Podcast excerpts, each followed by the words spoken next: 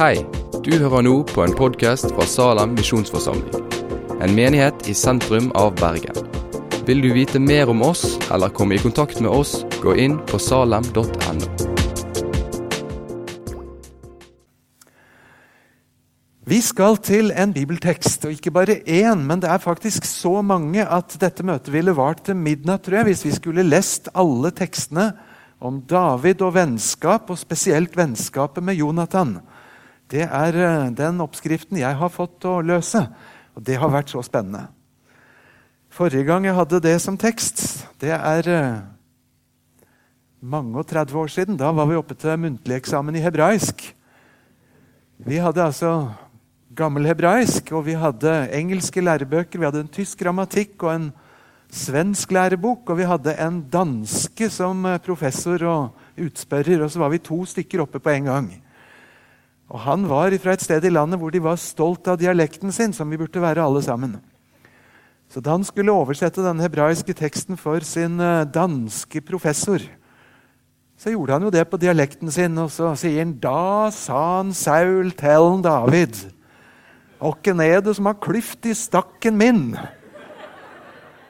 Og Jeg mitt fjols begynte å le, men det gjorde ikke dansken med den største respekt for dialekter og språk. Men det er faktisk forrige gang jeg fikk det som en lekse og skulle ordentlig gjennom disse første Samuels boktekstene.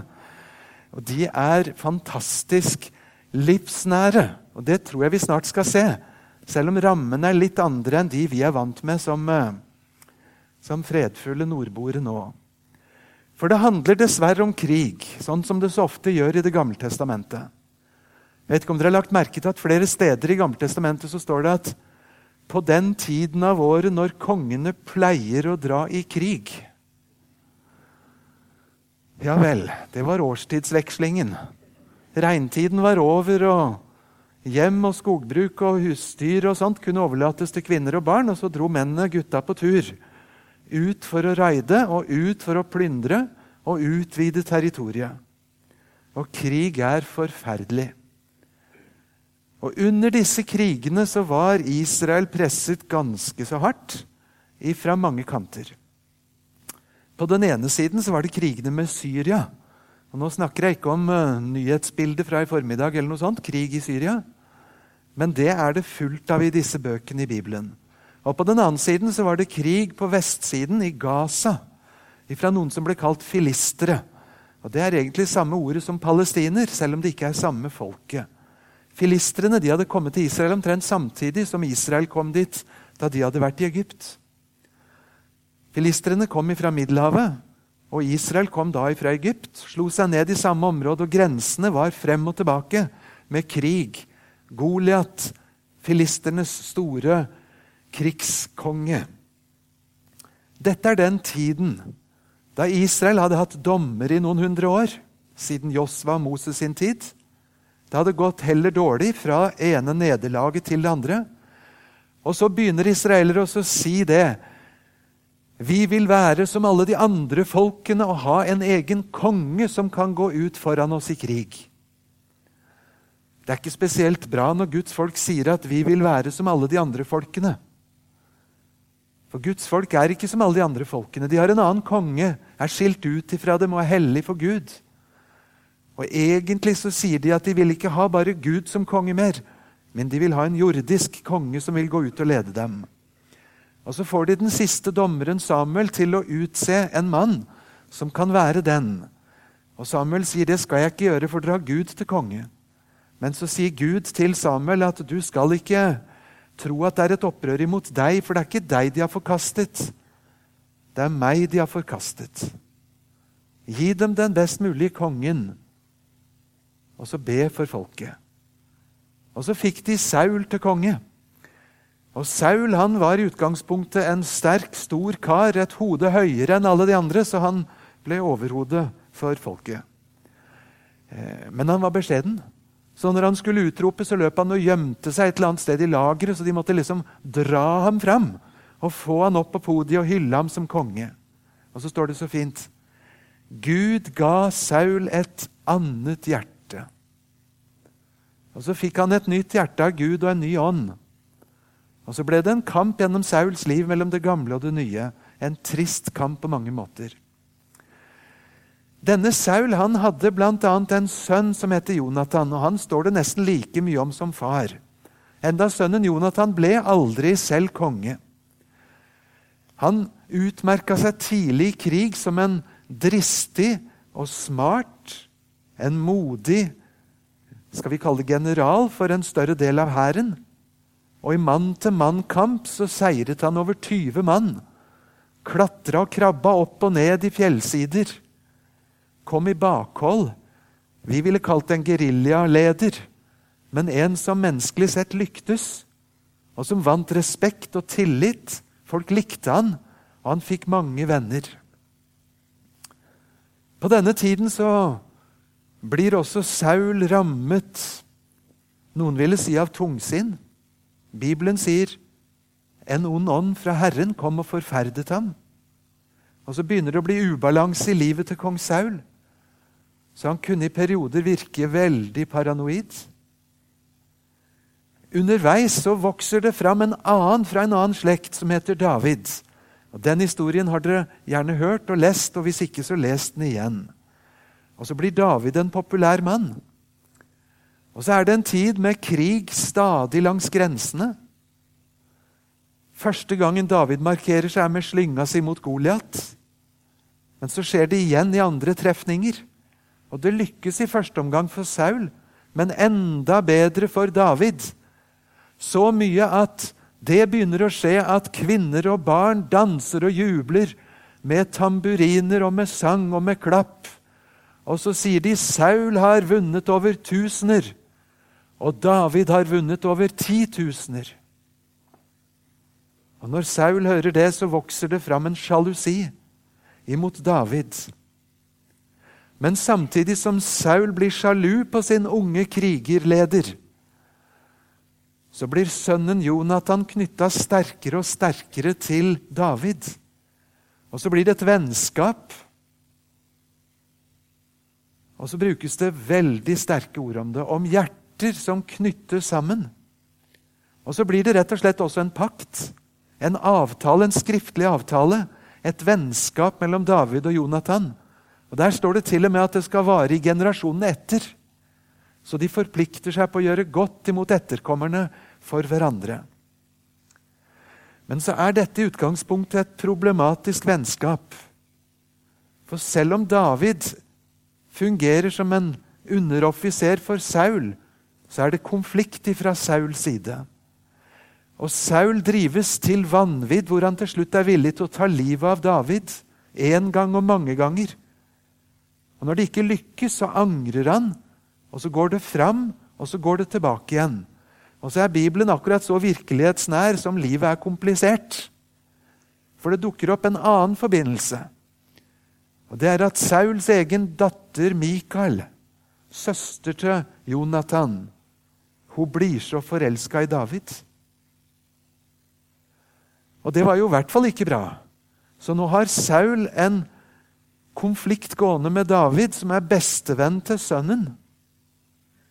Og datteren hans er fullstendig tapt i David.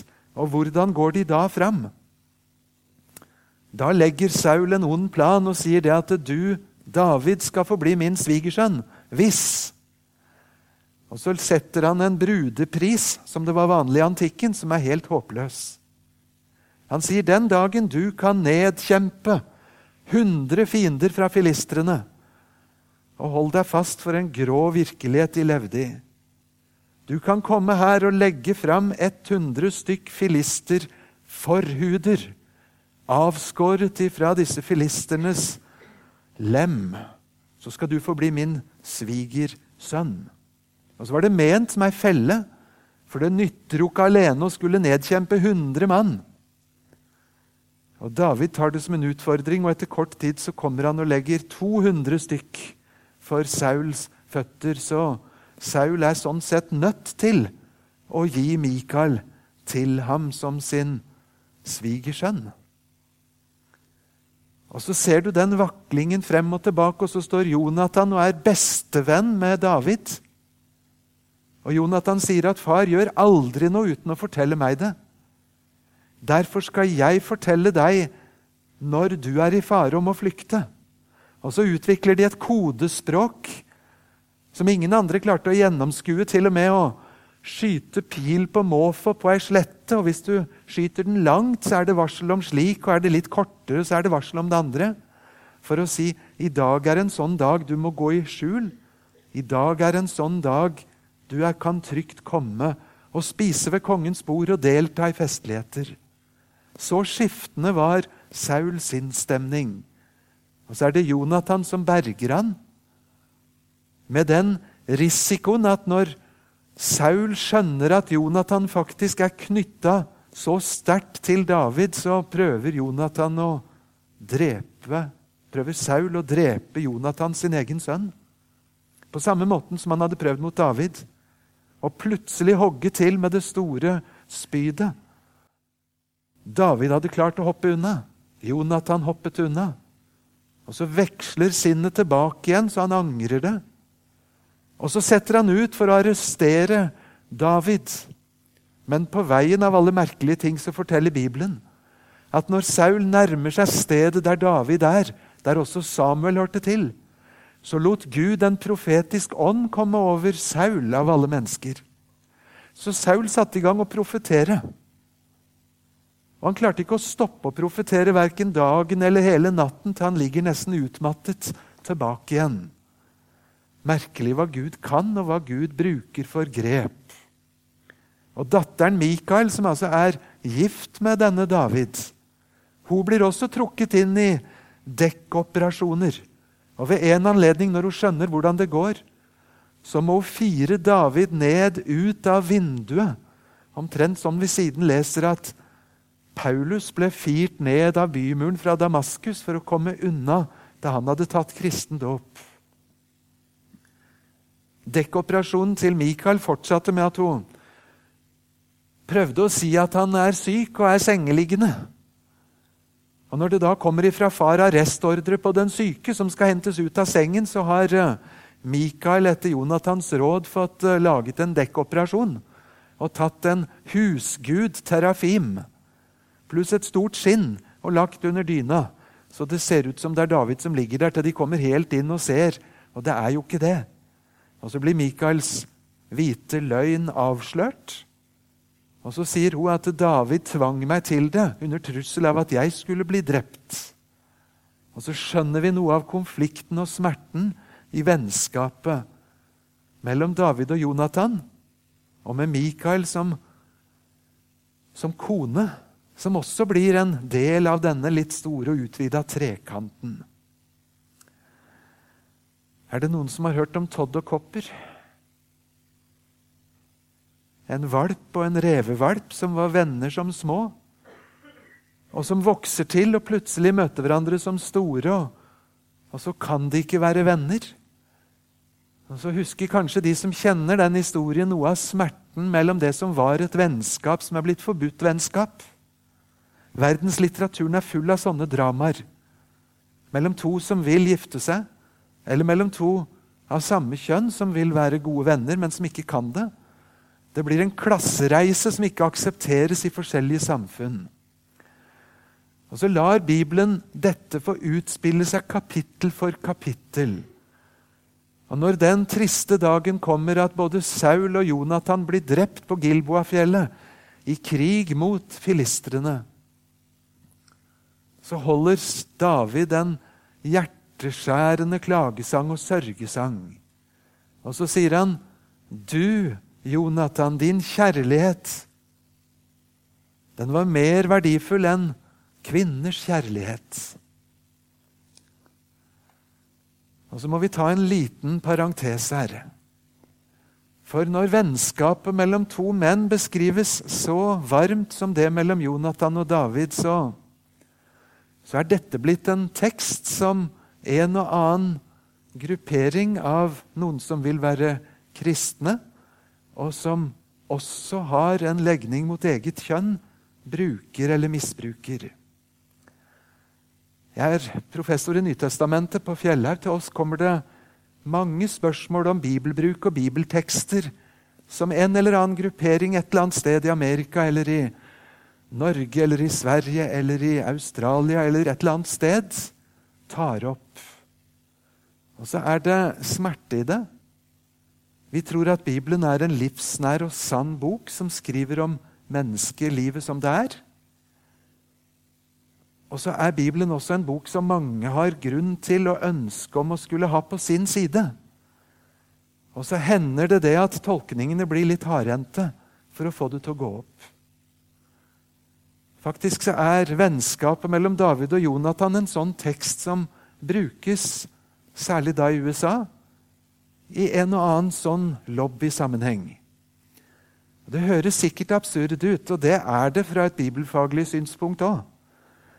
I grunnen så er vel David en av de dårligste kandidatene på å skulle tenke seg en som hadde en homoseksuell dragning ut ifra de veldig mange og sterke kvinnehistoriene. Og nettopp det som var kanskje hans største utfordring i livet, å skulle tøyle det. Som bibeltolkning er det sånn sett ganske meningsløst og har vel ikke noe støtte faglig sånn. Og Likevel så har jeg lyst til å utfordre oss som bekjenner en hel bibel og vil tro på alt Bibelen sier, også om mann og kvinne, om homofili og om de rammene som Bibelen gir oss. Når vi møter noen på jobben, når vi møter noen i et debattinnlegg som utfordrer oss på, på uventet måte Jeg skulle ønske jeg hadde en veldig quick fix for hvordan vi da gjør. Jeg syns ikke det er enkelt. Jeg vet at det er nyttig å lese bibeltekstene en gang til og litt nøyere. Og kanskje sjekke det med noen som kjenner dem godt og kan lese hva det står på hebraisk og på gresk. Og så er jeg blitt veldig glad i et løfte som står der i, i Jakobs brev. Hvis det er noen av dere som mangler visdom, så skal han be til Gud. Så skal Gud gi villig og uten bebreidelser. En spesialinvitasjon når vi syns vi mangler visdom, og det er vel egentlig det det ofte koker ned til. Tålmodighet til å lytte. Og forsøke å opprettholde et vennskap, også når det bryter på dypt vann med ting som er veldig sterkt og personlig og vanskelig. Jeg står ikke her og snakker om det fordi jeg har lyktes. Men kanskje for at vi som kristne kan oppmuntre hverandre til å være forberedt og til å forsøke å søke så sanne og bibelske svar vi kan. Slik at vi både kan være venner med mennesker, og at vi kan stå fast ved det Bibelen sier, og ikke skifte teologi etter hvordan livets omstendigheter måtte bli. Nå er det akkurat det som er tema kanskje fra denne synsvinkelen, men det vil gjelde så mange områder av livet. Men jeg har lyst til å gå tilbake til teksten selv som gir oss bare et flott bilde av sunn og god og sånn sett kristelig vennskap mellom to. Og gjerne mellom flere også. Så fint det er å være en venn. Du leste et flott ord fra Salmos ordspråk 28. Jeg måtte lete litt i ordspråkene, ja, for der står det så mye fint om vennskap. I ordspråkene 17 så står det et flott ord om at ekte vennskap det er å kunne dekke over noen sitt feiltrinn istedenfor å rippe opp i det. Ikke sant? Et godt vennskap som kan dekke over et feiltrinn istedenfor hele tiden å rippe opp i det. Det står så mye flott om vennskap. Om trofast vennskap og pålitelighet. Å holde ut. Å være det når det røyner på. Og til og med inn i døden, sånn som det ble her. På en måte så er vennskap litt undervurdert. Jeg har lurt på hvorfor. I mine sammenhenger, iblant unge kristne. Kanskje er det sånn at vennskap sånn sett blir liksom litt underordnet i forhold til det å få seg en kjæreste. Og Så kan noen ganger vennskap være et nettverk og et instrument for å få en kjæreste. Og så kan vennskap bli satt litt på siden og litt på frys når du får en kjæreste. Og så oppstår en form for ensomhet som kloke folk har kalt for tosomhet. Har dere hørt om det? Når to endelig finner hverandre og syns det er så stort at de i grunnen ikke trenger noen andre i hele verden enn only you. Og så blir det liksom et sånt ikke jernteppe, ikke bambusteppe eller bomullsteppe, jeg vet ikke hva, jeg. Som senker seg overfor gamle venner, og så plutselig så blir det ikke så viktig, og så respekterer vi jo det. Og så går det en stund, og så er kanskje vennskapene blitt litt borte. Jeg håper ikke dere kjenner igjen det bildet, for ikke la det bli sånn. Nå skulle jeg få komme med et kristelig godt råd. Prøv å bevare noen vennskap. Du har ikke tid til alle. Får du barn, så blir det veldig knapt med tid. Men prioriter i det minste noen.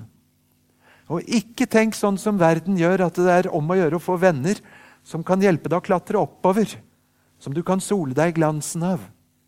Ikke spør 'hvem kan jeg få som en venn', men spør 'hvem kan jeg være en venn for'? Hvem kan trenge meg som venn? Og Da blir det fort litt sånn Er det asymmetrisk det heter? Det er liksom ikke full balanse. Og Egentlig så er det fryktelig slitsomt hvis alle vennskap alltid skal være balanse.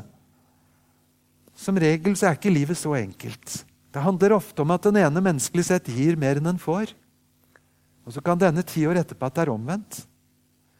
Og så er ikke vennskap en handelsavtale som skal gi meg til slutt profitt og pluss.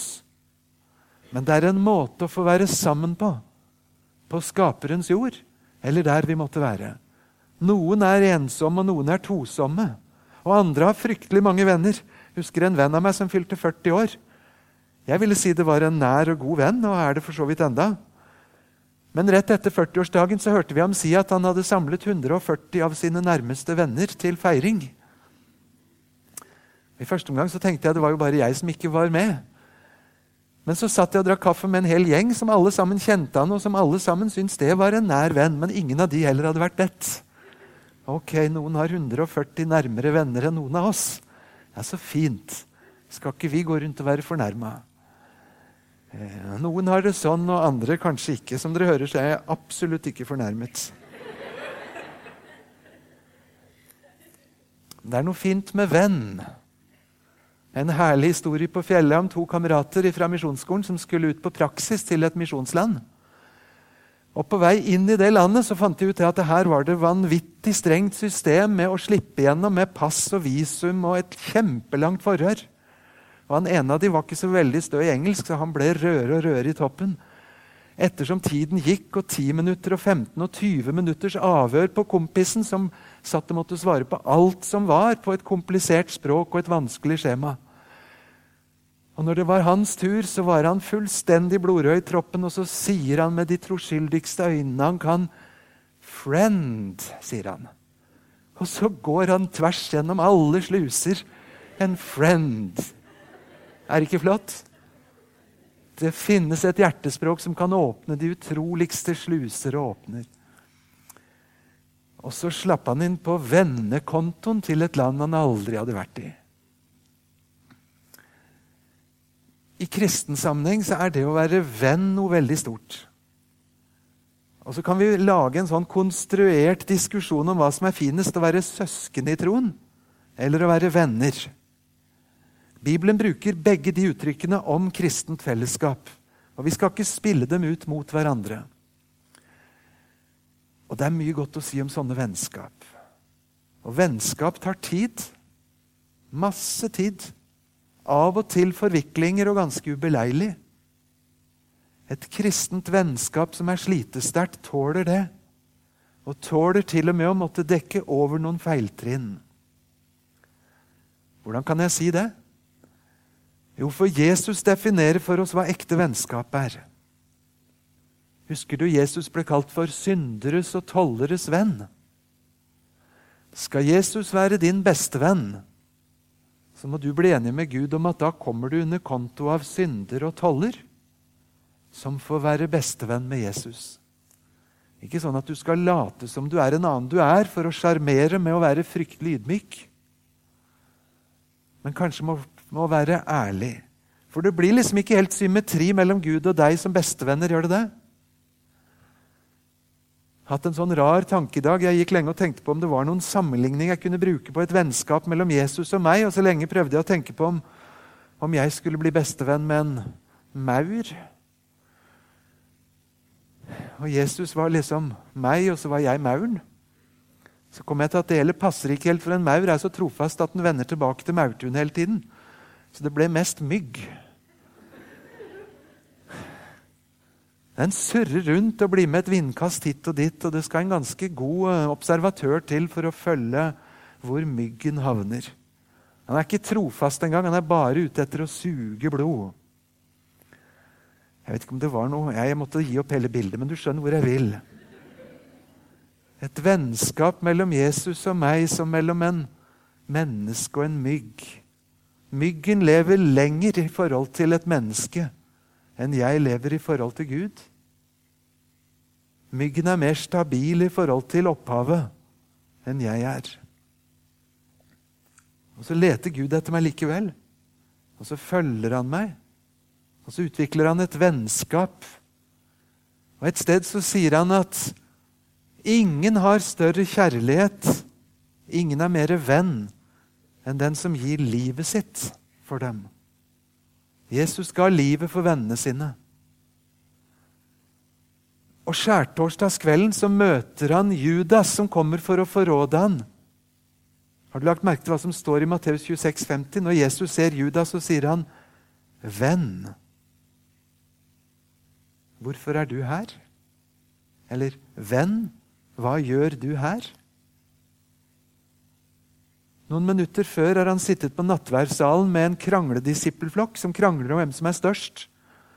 Innimellom krangel så prøver Jesus å komme til orde med å innstifte nattverden, men så blir det nye runder med krangel om hvem som er størst. Og Så sier Jesus til dem, 'Nå kaller jeg dere ikke tjenere lenger.' For en tjener vet ikke hva Herren gjør, men dere kaller jeg for mine venner. Ingen har større kjærlighet enn den som setter livet til for vennene sine. Dere kaller jeg for mine venner. I den konteksten innstiftet Jesus nattverdbordet. Og nå skal vi la David og Jonathan få siste ord om nattverdbordet. For siste ord om David og Jonathans vennskap det er ikke når David holder liktale over Jonathan som er død.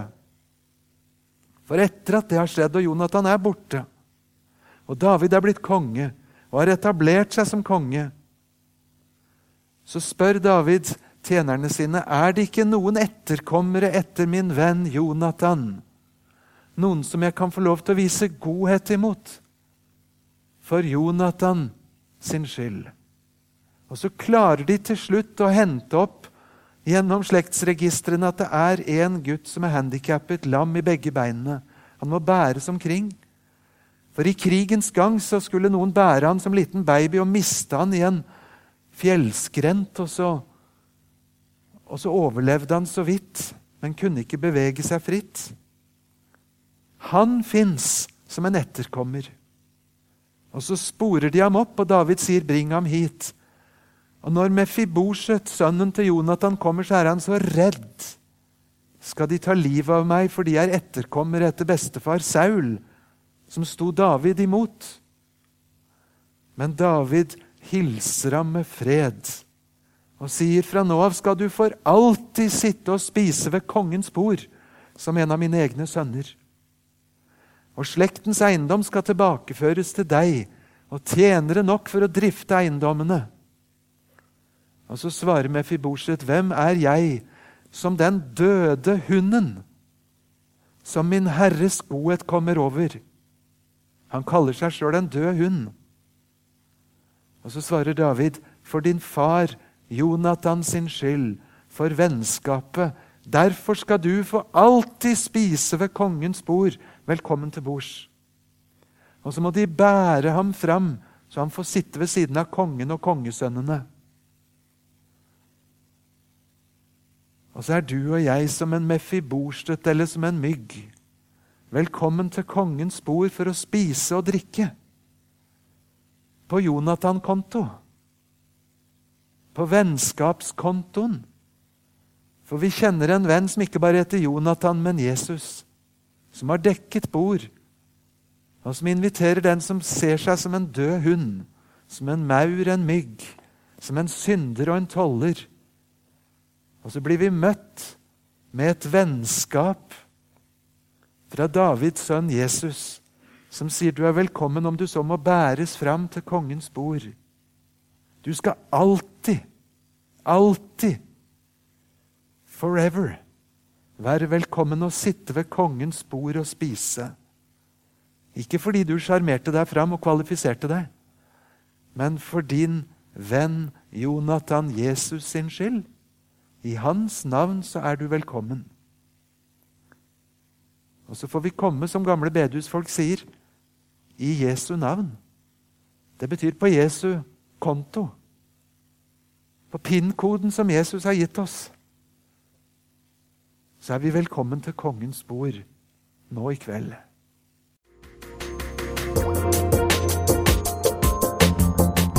Takk for at du har hørt på podkasten fra Salem, Bergen. I Salem vil vi vokse i et stadig dypere fellesskap med Gud og med hverandre. Vi vil være Jesu hender og føtter, og vi vil være med og forkynne frelse for Bergen og resten av verden. Besøk oss gjerne på salem.no om du vil vite mer.